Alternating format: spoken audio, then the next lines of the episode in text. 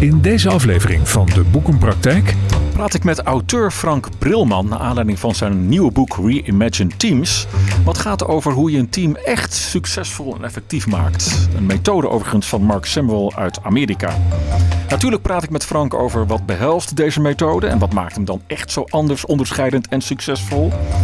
Kun je een team ook echt accountable maken op nieuw gedrag? En we lopen langs wat nou, minder populaire effectieve teams van dit moment. Het kabinet, Ajax. Zouden die ook echt succesvoller kunnen zijn met deze methode? En wat heeft Frank nog te bieden voor de boerenburgerbeweging? Je hoort het allemaal in deze aflevering van de Boekenpraktijk.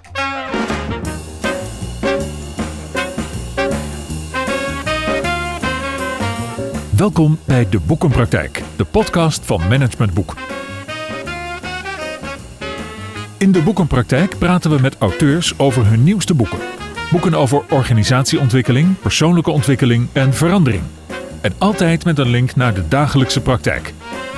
Uw presentator is Willem van Leeuwen. Met dit boek hoop ik de Nederlandse leiders op voorsprong te zetten met een eenvoudige en bewezen aanpak voor teamontwikkeling en transformaties die zijn weerga niet kent. Waar kennelijk ook de tijd voor is aangebroken om toegepast te worden. Zo luidt althans de missie van auteur Frank Brilman voor zijn boek Reimagine Teams. Frank is spreker en coacht leiders en teams om de zogenaamde B-State-methode in de dagelijkse praktijk succesvol toe te passen. Tevens zet hij zich in voor de B-State voor onze samenleving door ook transformatieprojecten die bijdragen aan een optimaal klimaat, fysiek, mentaal en emotioneel accountable te maken, zodat mensen doen wat nodig is om gewenste resultaten echt te halen en vol te houden. Er zijn allemaal hele mooie volzinnen en ik, ik ga er echt eens eventjes op naar onderzoek hoe dat precies zit. Want Frank is mijn gast in deze aflevering van de Boekenpraktijk. Hij glundert helemaal, Frank. Goedemorgen. Ja, goedemorgen. Fijn om hier te zijn. Nou, dat is insgelijks fijn dat je er bent. Um, het boek is eigenlijk een vertaling van een Amerikaanse versie, Reimagine Teams van Mark Samuel. Wat is dat voor een man, die Mark Samuel? Mark, Mark is een bijzonder aardige man. Leuke vent, leuk mens. Kun je echt heel veel plezier mee hebben. Uh, maar hij is ook een heel erg gedreven man. Mhm. Hij is wiskundeleraar geweest. En hij meet alles. Mhm. Dus als hij iets bedenkt, iets doet, dan meet hij het. Hij doet meestal zeven keer. Ja. En ja, hij is, hij is van mensen. Ja. Dat is grappig. En menselijk gedrag. Mhm. In combinatie met meetbaar. Dat, dat, is wel dat is anders dan ik. Ja. Maar dat is mooi om te zien. Ja, en wa- wat, wat, wat heeft, wat inspireert hem zo bij jou? Eh, nou, wat, wat mij raakte. Ik ben op zijn pad gekomen omdat hij echt een vergelijkbaar verleden heeft als ik in de teambuilding, zullen we maar zeggen. Ja. Met prachtige activiteiten waar mensen dol enthousiast over zijn. Ja, Maar daarna niets mee doen.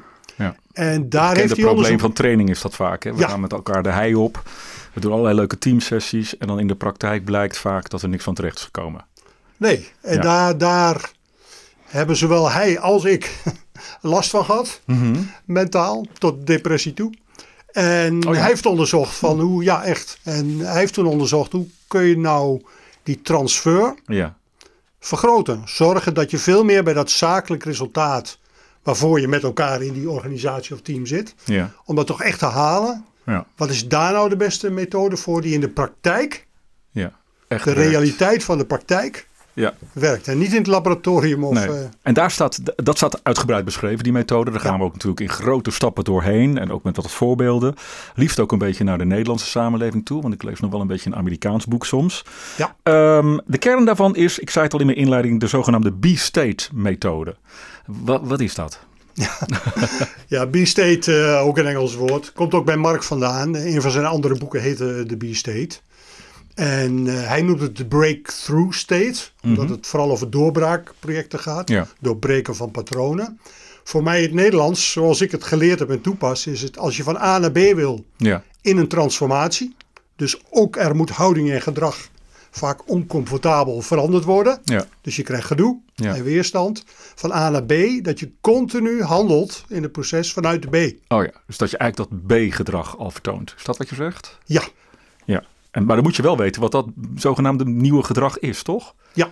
En dat zie je ook als een van de voorwaarden in de aanpak. Is dat je met elkaar in een verandering echt op één lijn bent. Wat die B is. Ja, Het leuke van de B is wel, en dat is uitzonderlijk. ook zoals ik het geleerd heb, Ja. is die B's zijn niet de nieuwe KPI's of de nieuwe resultaten die je wil halen of de purpose. Mhm. Maar de B is echt, als je het visualiseert, Ja. dus een beeld van succes in je hoofd, zoals topsporters doen, dat je ziet hoe je dan al anders met elkaar omgaat om dat succes te halen dan nu. Da- daar dus- zit de catch. Dat is misschien ook wel een beetje eh, het, ehm, het grote gemis in veel organisaties. Dat ze zich heel erg focussen op missies en purposes en weet ik het allemaal. Maar niet die, dat gedrag met elkaar visualiseren waar we naartoe willen. Klopt Nee. dat? En dat is, dat is de uitvoering. Ja. Execution, Ja. de uitvoering is, is, is gedrag.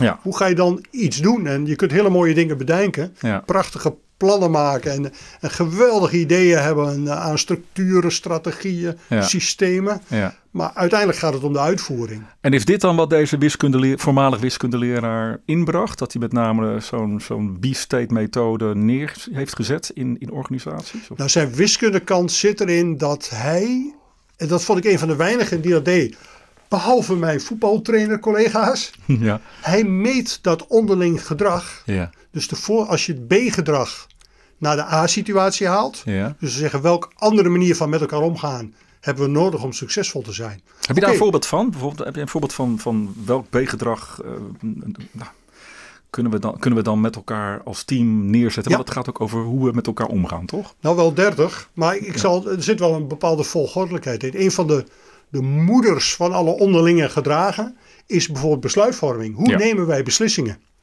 En vooral ook tegenwoordig, ook met het grensoverschrijdend gedrag, maar ook met inclusiviteit. Als jij beslissingen neemt die effect hebben op mensen en je betrekt hun er niet bij, Ja. zul je een probleem hebben. Dus, dus hoe gaan we nou optimaal beslissingen nemen? Dat is gedrag. Ja. Dat kun je uitschrijven en dan kom je in een keten van een aantal gedragingen. Ja. En als je het opschrijft zoals je het zou filmen, Ja. dus alsof je het al doet, Ja. dan heb je een hele concrete manier van zo doen wij het hier. Ja. En als je nou kijkt van hoe zouden wij beslissingen moeten nemen, willen we heel succesvol zijn? Mhm. En hoe doen we het nu eigenlijk? Ja.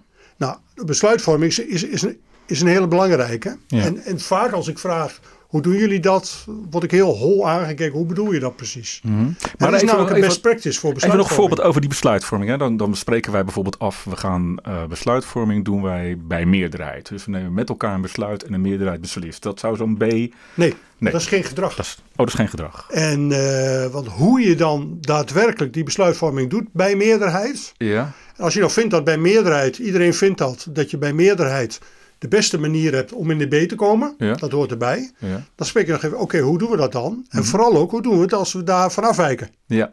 Oh ja. Dat is cruciaal, want je moet het wel volhouden. Ja. En ik denk besluiten bij meerderheid is vaak niet de beste manier om. Nee. Oké. En, en hier komt wat kennis kijken, die ook professionals of veel consultants kunnen toevoegen, Mhm. omdat die best wel weten wat de beste manieren van besluitvorming is. Ja. Misschien een ander voorbeeld wat veel meer Ja. aanspreekt en, en wat ik ook vaak als voorbeeld gebruik als ik Mhm. bedrijven moet, moet, gaan helpen. Dat is de meeting, de vergadering. Nou Ja. ja, hoeveel is daar wel niet over geschreven en gezegd? Vaak alleen maar een mededelingen uurtje. Maar dat is natuurlijk een combinatie. Al die team habits, al die vormen van onderling gedrag zitten natuurlijk in een meeting. Ja. Wil een meeting effectief zijn, dus het gaat na de meeting beter dan ervoor, richting de B. Mhm. Wil een meeting efficiënt zijn, we zijn niet te veel tijd en onzin en gedoe en waste kwijt. Mhm. En wil het energiegevend zijn dat je zegt, nou, ik verheug me op de volgende meeting, Ja. hoe die bijdraagt aan de B. Dan kun je afspraken maken. Ik denk dat je ze op Google kunt vinden, hoe zo'n meeting eruit moet zien. Ja. Nou, stel dat je een meeting een cijfer geeft van 0 tot 10. Ja. Wat ik vaak vraag, van, geef eens een cijfer van jullie meeting in hoeverre die E3 is. Effectief, efficiënt en energiegevend. In het halen van jullie B. Nou, heb je even, zeggen ze. Laag. Ja. Als ze zich wat schamen, krijg ik zevertjes. Ja. Maar meestal is het drie of een vier. Ja. Ik zeg, nou, omschrijf eens hoe een meeting eruit zou moeten zien als je het een 9 of een 9,5 geeft. Ja. 10 mag niet. Dan, dan, en dat weten ze. Mhm. Iedereen, dat, dat vind ik het mooiste in de methode. Iedereen weet Ja. wat optimaal gedrag is. Maar wat ik wat me dan afvraag, hè, want ik heb dat ook wel eens in trainingen gedaan. Dan pak Ja. ik zo'n lege flip en dan zeg ik eh, bijvoorbeeld een, eh, nou laten we het even bij de meeting houden. Eh, vertel eens even met elkaar wat een goede meeting is. Nou, dan komen alle Google antwoorden zeg maar op de flip. Ja. Maar dan doen ze het vervolgens nog niet. Nee, en daar, en daar zit natuurlijk de Ja. uiteindelijke kracht van de aanpak. En daar zit ook de hefboom, Mhm. de trim tab, zoals ik het noemde. Die zit in het volhouden. soms is dat met de eerste drie weken, Ja. in het volhouden die nieuwe habits, daarom zijn het habits, Ja. ook te implementeren dat ze voortaan zo gedaan worden. Ja, jullie noemen dat team habits. Hè? Ja. Ja, en wa- wat wezenlijk is, als ik ze toepas, Mhm. precies op het punt wat jij zegt, de- je ziet mensen zo al afhaken. Mhm. Want de eerste week is natuurlijk, als we het niet doen, wat gebeurt er dan? Nou, als er niks gebeurt, dan is de mores, we houden ons niet aan de afspraken die we gemaakt hebben. Ja. Ja. Maar die eerste drie weken, vier weken is natuurlijk cruciaal. Soms duurt het maar één week hoor. Mhm. Als je bijvoorbeeld dagelijks herhaalt. Om elkaar aan te houden. ja. Dus en dat is dat woordje accountability. Hoe zorgen we ervoor dat we de afspraken die we maken, die we nodig hebben om de B-situatie te halen, hoe gaan we elkaar eraan houden? Mhm. Ja. Dus bijvoorbeeld heel concreet gedrag is. Wat doen we met iemand die zich voor het eerst er niet aan houdt? Ja. Mooie vraag. Wat doen we met iemand die zich er structureel niet aan houdt? Ja. En daarom is het ook pittig Ja. Deze methode houdt je echt aan de afspraken. Mhm.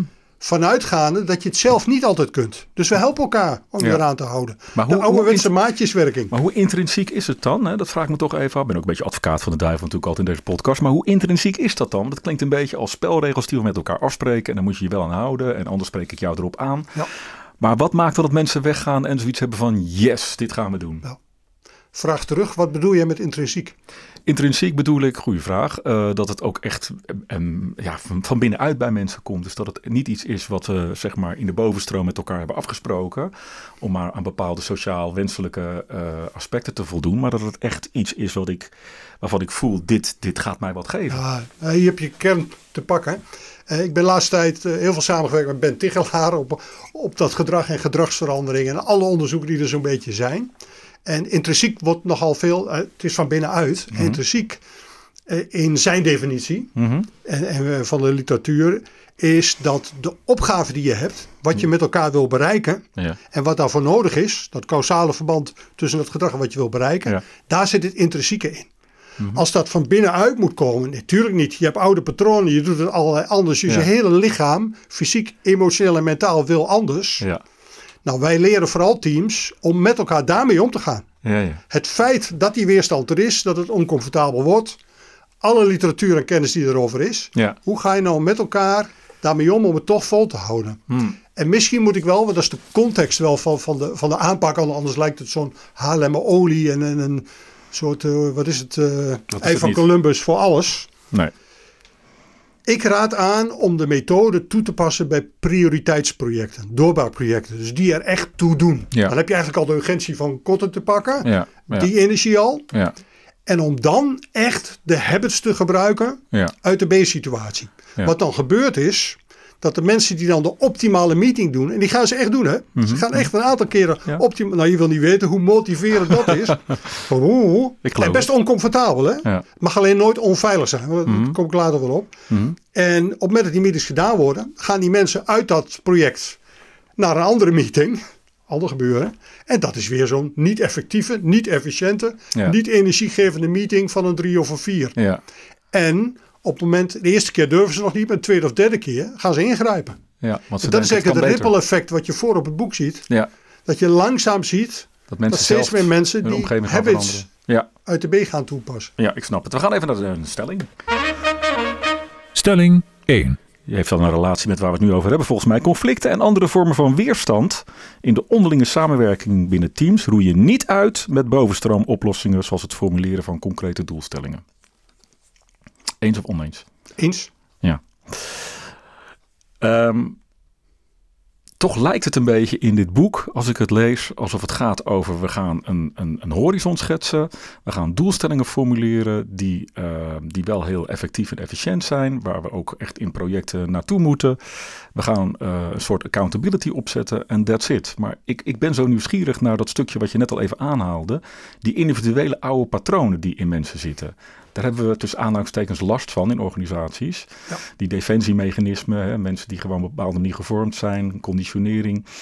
Hoe ga je in deze methode, want accountability is daar volgens mij een heel belangrijk aspect in. Hoe ga Ja. je daar dan mee om? Kan je daar iets meer over vertellen? Ja, graag. Ook, ook, eigenlijk zit daar wel de kern. Het is niet zozeer dat die doelen bepalen dat mensen het in één keer gaan doen. Want dat zou het ook met visie gebeuren. En Ja. nou, we kunnen nog terug naar kusten visievakker Ja. eh, van Hans. Ja. Eh, en Samhout. Geelhoed. Om ze allemaal maar even te noemen. De drie auteurs. Ja. Bijvoorbeeld in de formulering van de B, hoe wij samen met de mensen, de B, wij helpen de mensen daarin, Ja. de B-state formuleren. Mhm. Daarin gebeurt heel veel. Hoe je de B-state formuleert. Maar kan, je, kan je, laat me even om de hoek kijken. Wat gebeurt daar dan? Nou, en dan zie ik de link weer naar de team habits, want daar zit echt de hefboom. Ja. In het implementeren van een, zeg maar een, bijna een blauwdruk van team habits. ja. Als je de B-state formuleert, als ik een groep bij elkaar heb. We hebben van tevoren al heel goed onderzoek gedaan wat een bedrijf in die doorbraak of die verandering echt nodig heeft. Mhm. Dus ik heb de B-state al geëmbodied. Mhm. Dan ga ik de groep begeleiden en ik help hun. De eerste vraag die ik de groep stel, individueel. Hmm. Moet kijken wat er psychologisch allemaal gebeurt. Individueel, schrijf eens op. Als wij over zes maanden ultiem succesvol zijn met dit doorbraakteam. Ja. Wat is dan de reputatie van dit team? Wat zeggen al die anderen? De Mhm. afnemers van dit team, de klanten van dit team. Ja. Dat kan een raad van bestuur zijn, dat kunnen klanten zijn, Ja. dat kunnen collega's zijn. Wat is dan letterlijk wat zij zeggen over dit team? Ja. Dat is een reputatievraag, een beetje outside Ja, in. ja. Dat is één. Ja. Dat, gaat, dat vullen ze individueel in. Mhm. Tweede vraag is dan, stel dat je de reputatie daadwerkelijk hebt, welk ander onderling gedrag is er dan nodig om echt die reputatie waar te maken? Ja, ja. ja. Dat is een hele mooie vraag. Ja. En onderling gedrag noem ik dan gewoon teamwork of samenwerking. Bijvoorbeeld, eh dan komt het op, we spreken elkaar aan als iemand toch weer in de oude patronen schiet. Of die zo. komt altijd. Ja. Want ja. die wordt in de A-situatie vaak niet gedaan. En er zijn allerlei redenen voor. Daar kom ik zo nog op Aha. terug in verband met jouw conflict en weerstand. Ja. Eh, maar ze vullen in en dat schrijven ze individueel op. Ja, dat voorstellen. Ik kan een groep van 12, soms een groep van 70. Ze schrijven dat op. Derde vraag is, welke bijdrage levert dit team dan daadwerkelijk aan de organisatie in de reis die de organisatie maakt? Ja. Dat kunnen mooie purpose dingen zijn, dat Ja. kunnen concrete KP- KPI's zijn, dat kunnen dingen richting klanten zijn, schrijven Ja. ze op. Of medewerkerstevredenheid. ja, maar dan wil ik even door. Hè. Op een gegeven moment hebben we dat allemaal opgeschreven. En dan? Dan komt de, en daar zit de kracht, ze hebben individueel opgeschreven. Dus iedereen is betrokken. Ja, ja. iedereen heeft erover nagedacht. Ja. En dat wordt ook echt serieus genomen. Dan maak ik drie groepen. Eén groep op die vraag 1, één groep op die vraag 2, één groep op die vraag Ja. 3. Verzamel alles wat gezegd is. Die hebben we gevangen. En ga ermee aan de slag. Helemaal niet zo lang. En maak daar een mooie volzinnen van. Mhm. Met eer aan iedereen en alles wat gezegd is. Mhm. En wat staat is alsof je het al doet. Mhm. En iemand die het leest moet denken, oh ja, Ja. zo doen wij dat hier. Ja. in het formuleren, je moet weten wat er gebeurt als een groepje met elkaar dat op gaat schrijven. Ze schrijven het niet op van kijk eens wat een mooie visie of missie we opschrijven. Nee, nee, nee. Ze schrijven het op omdat ze weten in de volgende ronde mogen die andere twee teams op dit stukje gaan schieten zodat het ook van hun wordt. Ja. Zodat ze daarop accountable op kunnen zijn. Ja. Nu komt het mooiste. Als dit afkomt, op een gegeven moment wordt er een document gemaakt. Dit gebeurt binnen twee uur. Hè? Mhm. Mhm. Waar iedereen achter staat. Waar iedereen ook echt, wow, Ja. en het is geen missievisie, het is een ambitie waar voldoende stretch op zit, want die energie heb je nodig. Ja, ja. Van wow, daar wil ik bij horen. Mhm. Maar ook, het doet ertoe dat ik er ben. Ja. Oké. Dat is gecreëerd psychologisch. Ja. En nu blijkt in dat hele stuk wat ze geschreven hebben, Mhm. er staan wel mooie voorbeelden van, van in het boek, Ja. als, als, als mensen het meer willen laten leven. Maar het middelste stuk, dat teamwork, daar haal ik de habits uit. Ja. Dat team. Die nood, en die habits, de werkwoorden die erin staan, Ja. Die gaan ze daarna helemaal uitwerken alsof je het al doet, tot gedragsafspraken. Ja. En de manier waarop ze dit bouwen, daar zijn we dag mee bezig, Mhm. is zo vormend. En dan kom ik terug op wat jij net al vroeg. Ja. Dan moet je nog beginnen. Want onze sessies zijn geen workshops of trainingen. Nee. Het zijn de eerste twee dagen van de komende periode. Anders met elkaar omgaan Ja. en werken. Ja. En wij helpen ze om te zorgen dat die habits, de nieuwe habits, ook daadwerkelijk worden uitgevoerd in dat prioriteitsproject. Ja, Dus en daar als je dan bijvoorbeeld focus. merkt hè, eh, dat, dat, want ik kan me voorstellen, je vertelt ook heel inspirerend. Dus Ik, ik dank je wel daarvoor, want ik word helemaal meegenomen in zo'n sessie. En volgens mij gebeuren daar echt een aantal zaken die patronen doorbreken.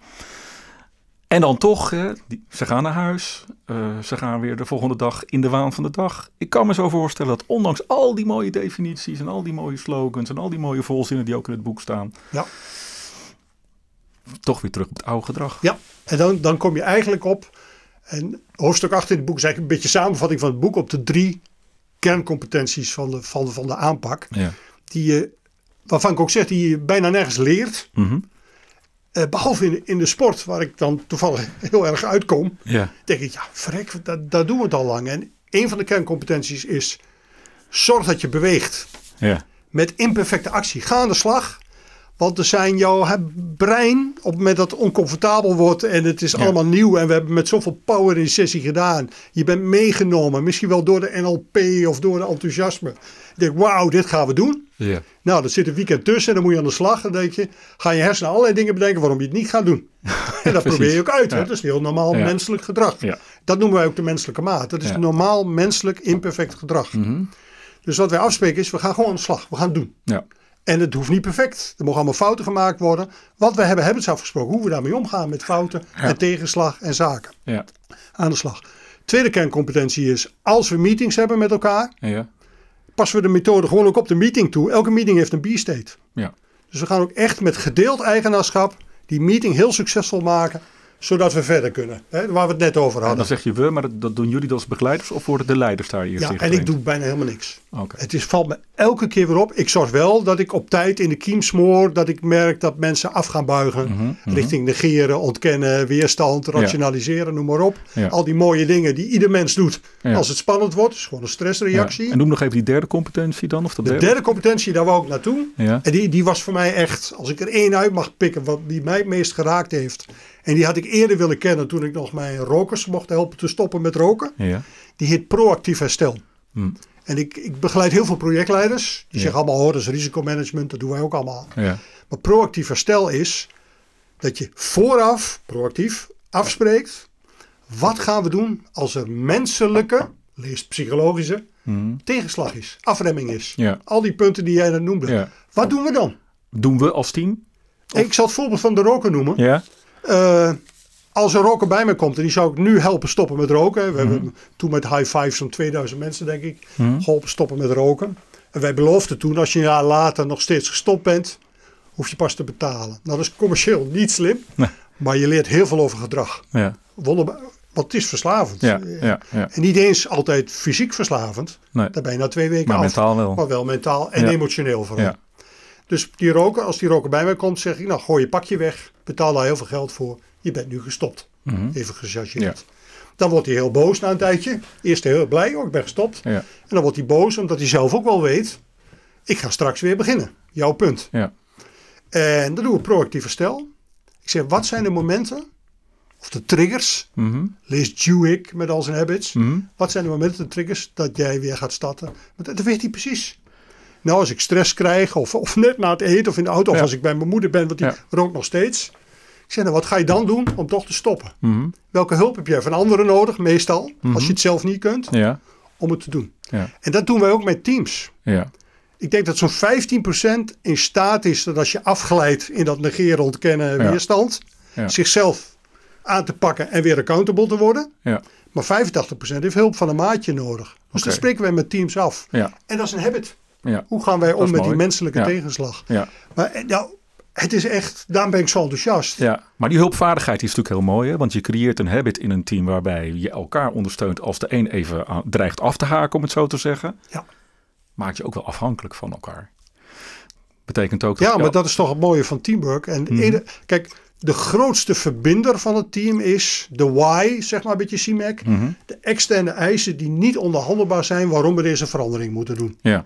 Die mist al heel vaak. Hè? Die, die wil ik nog genoemd hebben. Mhm. Want dat is de grootste verbinder. Dat dat echt Ja. En daar begint de weerstand al, want mensen willen dan soms helemaal niet horen waarom we toch echt eh, stikstof moeten minderen. Ja. Want dan moet je echt aan de bak. Ja. Ja. Nou, daar moet je echt wel even energie in steken. Mhm. En dat lijkt even makkelijk, maar dat is het begin. Ja. En dat is een pittige. Ja. Dus die alignment op, op waarom doen we dit allemaal. Dan heb je de alignment op de B-state. Is het echt, willen we daar naartoe? Helpt ons dat daadwerkelijk? Ja. Oké, dan gaan we kijken hoe gaan we dan met elkaar om om dat te bereiken. Oké. En hoe zorgen we dat we dat ook echt volhouden. Ik ga even een klein bruggetje maken naar eh, enerzijds de boekentip en, en daarna. Eh, we zitten midden in het kampioenschap van Feyenoord. We hadden het net al even voor eh, de opname over sport en voetbal. Ja. Die, die vergelijking maak je ook in het boek met sportteams. Feyenoord is kampioen geworden en Ajax druipt steeds meer af, zeg maar. Dus ik wil zo meteen wel eens even zo'n beef-state methode met Ajax met je doornemen. Ja, Maar ken je ook Patrick Lencioni? Jazeker. Ja. Nou, Patrick Lencioni is een Amerikaanse wetenschapper volgens mij ook, die een model heeft ontwikkeld over teamwork met zes belangrijke aspecten in teamwork. En daar gaat onze boekentip eigenlijk ook over. De boekentip. Die komt deze week van Henk-Jan Kamsteeg, zelf auteur van boeken als Dienend Leiderschap en Inclusief Leiderschap. En hij las het nieuwste boek van deze Patrick Lencioni. De zes talenten van teamwork. In deze boekentip zijn bevindingen. De boodschap is duidelijk, Henk-Jan. Mijn collega's bij International Justice Mission schoten in de lach. Ik had zojuist aangegeven graag met storytelling voor een campagne aan de slag te gaan, maar had blijkbaar bijna smekend gekeken toen ik vroeg of iemand anders het contact met de drukker voor zijn of haar rekening wilde nemen. Tot midden in de nacht kan ik mezelf verliezen in het schrijven van teksten, waarbij de gedachte aan regelwerk alleen al kan ik letterlijk s'nachts wakker liggen. Ieder zijn eigen gaven en talenten. Dus kan het dat we bij sommige werkzaamheden direct in de flow komen en bij andere niet vooruit te branden zijn. Kunst nu om in teamwerk de juiste taken bij de daarvoor meest geschikte medewerkers neer te leggen.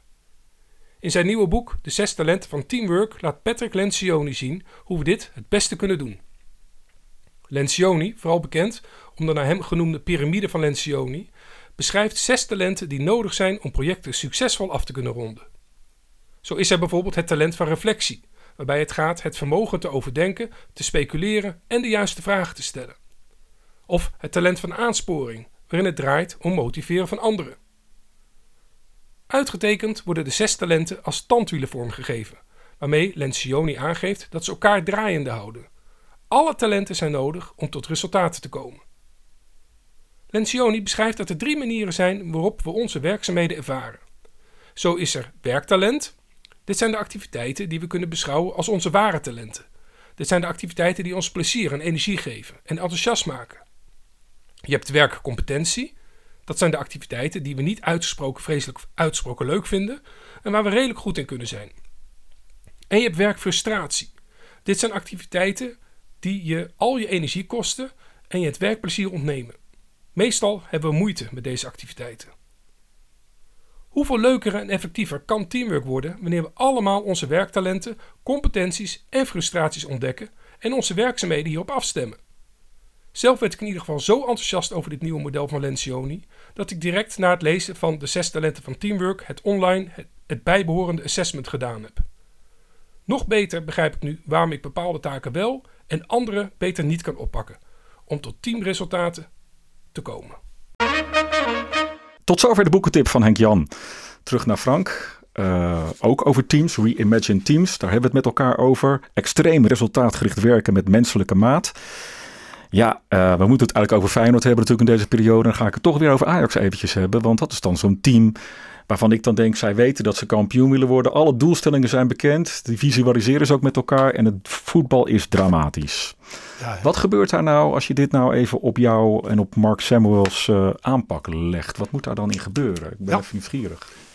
Het is mooi, de, mooiste om dat aan de, de jonge verse invallende trainer te vragen. Want die eigenlijk gaat zitten natuurlijk voortdurend te kijken wat gebeurt er in de wedstrijd. Ja. En hoe kan ik daar, want dat is mooi van sport dat je kunt trainen, ja. wat je in de wedstrijd gaat doen op het veld. En dat gebeurt ook steeds hè? Dat... Nou het leuke van voetbal in, in vergelijk dan met, met, met de aanpak uh, van ons, is voetbal, prestatievoetbal, uh -huh. oefent voortdurend routines. Ja. Dus onderling gedrag ja. waar je op terug kunt vallen in de stress van de wedstrijd. Ja. En, want en dat doen we veel te weinig in organisaties. Veel te weinig, want in, ja. in, wat zie je in organisaties? Dat mensen terugvallen in hun oude patronen bij stress. Ja. Maar je moet terugvallen in habits die je zodanig geoefend hebt. Je hersenen kennen het verschil niet. Mm -hmm. Dat je die gaat toepassen. Ja. En dat lukt bij Ajax nu onvoldoende. En dat zijn natuurlijk.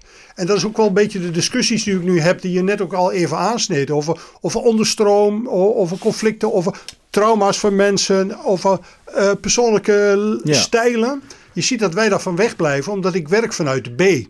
Ja. In de B is al dat gedoe niet. Want in B ben je er al. Is succesvol. ja, maar dan veeg je ja, het dat is gedoe natuurlijk een gewoon beetje een uh, theoretisch gebeuren. Maar veeg je het gedoe dan niet te veel weg? Dat is een beetje mijn ding. Ik ben misschien Ja. te veel van die onderstroom hoor. Maar kijk, als je niet presteert als team, dat zie ik ook bij Ajax. Dan zie ik die kopjes hangen. Mensen, gaan, uh, mensen geloven er niet meer in. Mensen gaan elkaar kwalijk nemen. Er ontstaat weerstand. Mensen, de motivatie ontbreekt. Um, hoe, hoe, los je dat dan op? Dat, dat, dat, dat, gedoe, zeg maar. Nou, dat wil ik één ding rechtzetten. Wij zijn helemaal niet tegen uh, teambuilding, uh, samenwerken, tegen uh, werk aan de onderstroom.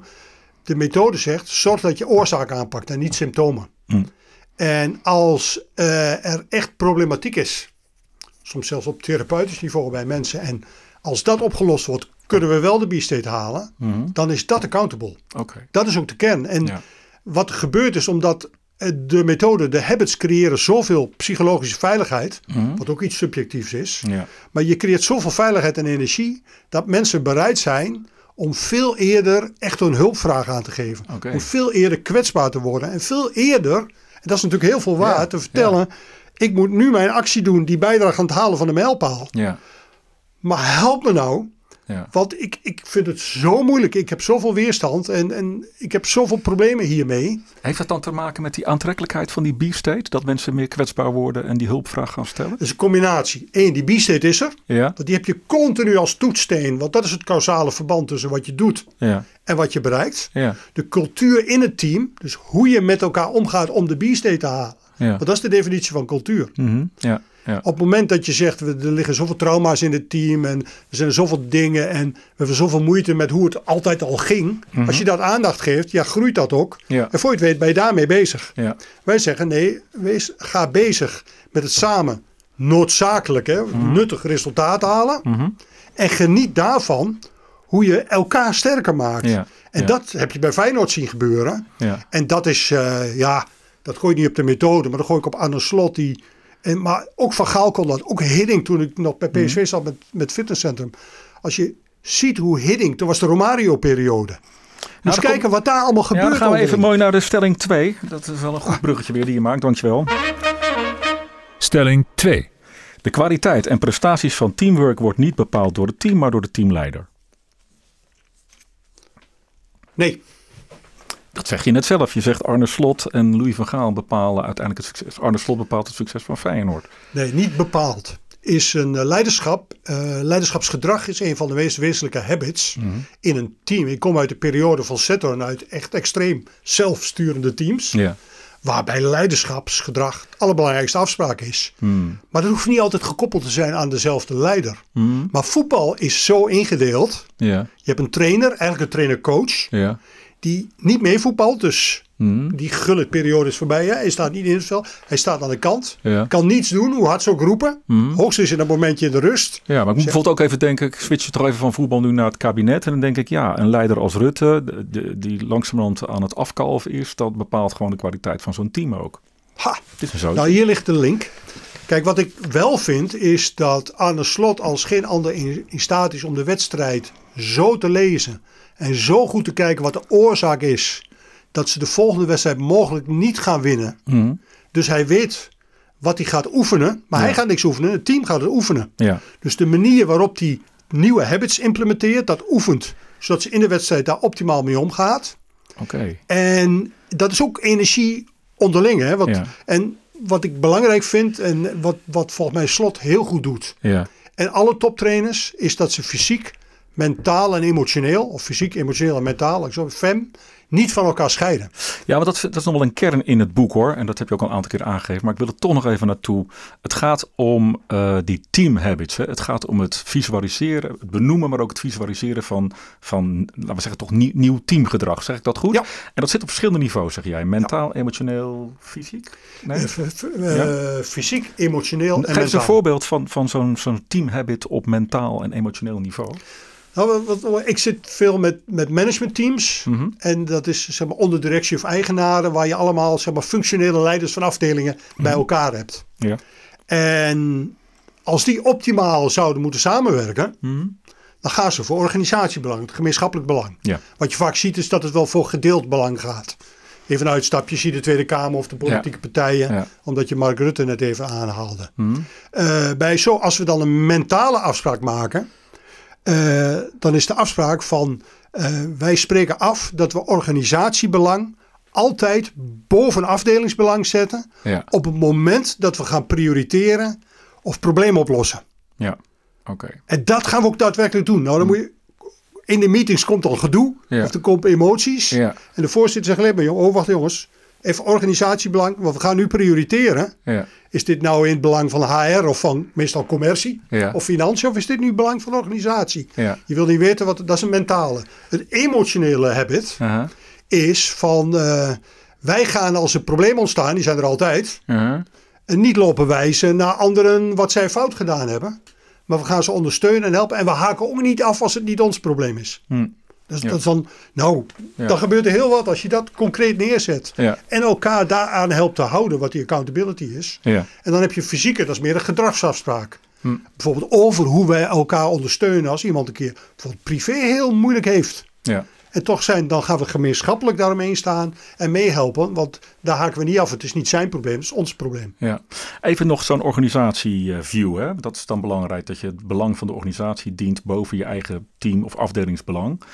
Ik kom in heel veel organisaties waar de marketingafdeling zegt: wij vertegenwoordigen het organisatiebelang. Terwijl de inkoop- of verkoopafdeling zegt: wij, voor, wij eh, vertegenwoordigen wat de klant wil.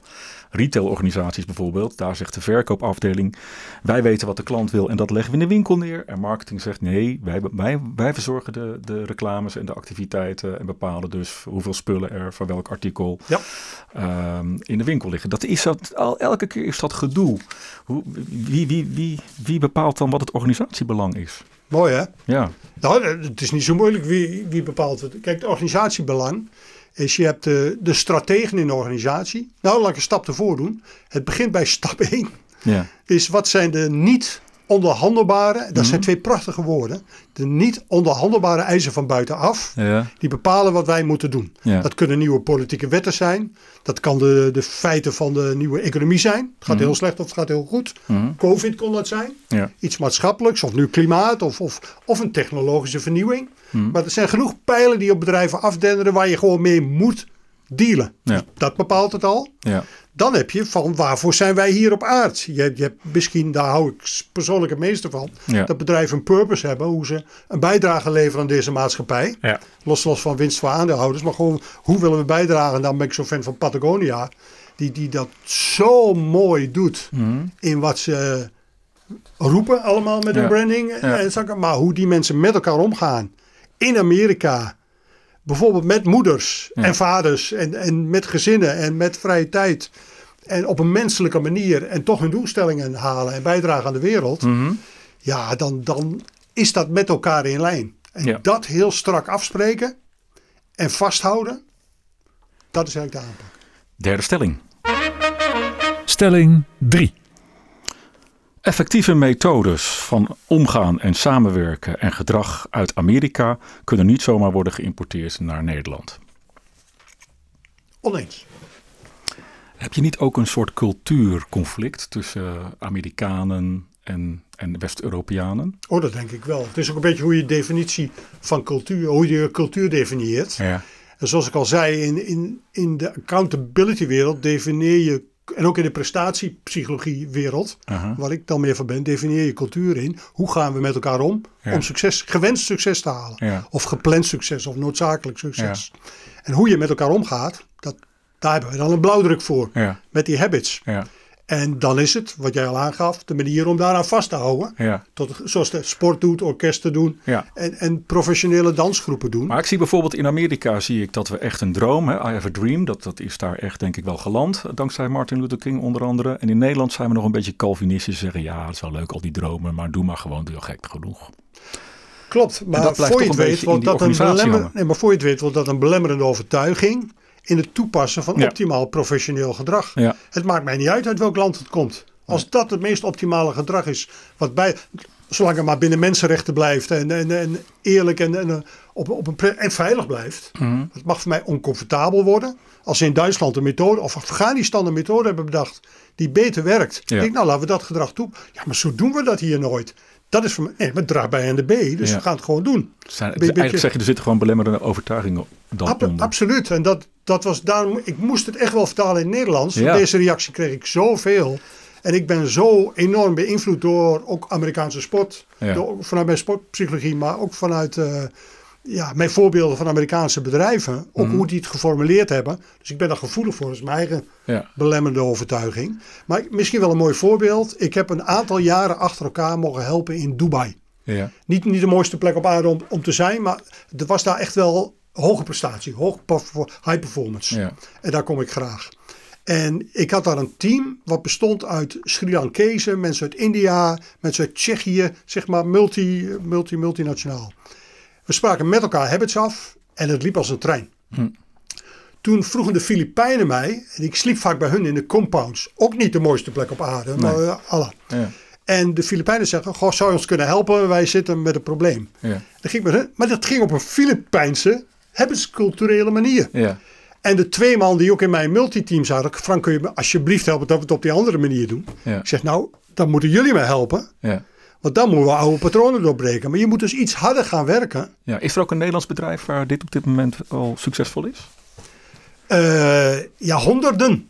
Noem maar het eens is, het is uh, nou waar ik zelf, meestal, daar kan ik ook over praten. Normaal zijn we er vrij bescheiden over. Mhm. Maar omdat in de podcast van Raymond zat de directeur van de brouwerij van Heineken. Ja. En daar zie je het als een olievlek verspreiden. Ja. Hoe mensen met habits werken, met B-state werken, met accountability werken. Ja. En dat is leuk, want dan krijg je de feedback terug. Ook wel zo enthousiast ik erover kan praten. Ja. Maar het is best pittig. Want je gaat wel degelijk elkaar aanspreken. En Ja. wordt oncomfortabel, Ja. maar nooit onveilig. Ehm, mijn laatste vraag is altijd: welk team of organisatie gun je dit boek? Omdat je merkt dat het daar hartstikke nodig is. Ja, dat is, daar denk ik natuurlijk veel over na. Omdat ik nu zulke leuke reacties op het boek krijg. En, en eh, ik denk, ja, ik heb het verleden nog wel eens bedrijven geholpen. Waarvan ik denk, ja, Maar noem maar eens Mo- één. Moet ik die nog willen helpen? Nou, in principe heeft Mark Samuel ook mijn mentor geteld. Ga niet richting politiek, maar de echte problemen die nu spelen in de wereld, die Mhm. we allemaal wel kennen. Waar heel wat, liefst zou ik mijn familie, de boeren willen helpen. Om versneld te veranderen naar, want die zijn zo nodig. Ja. Voor de natuur alles wat er is. Ja. Terwijl er nu, nou waar we het over hadden, zoveel weerstand ontstaat. Ja. Conflicten en polarisatie.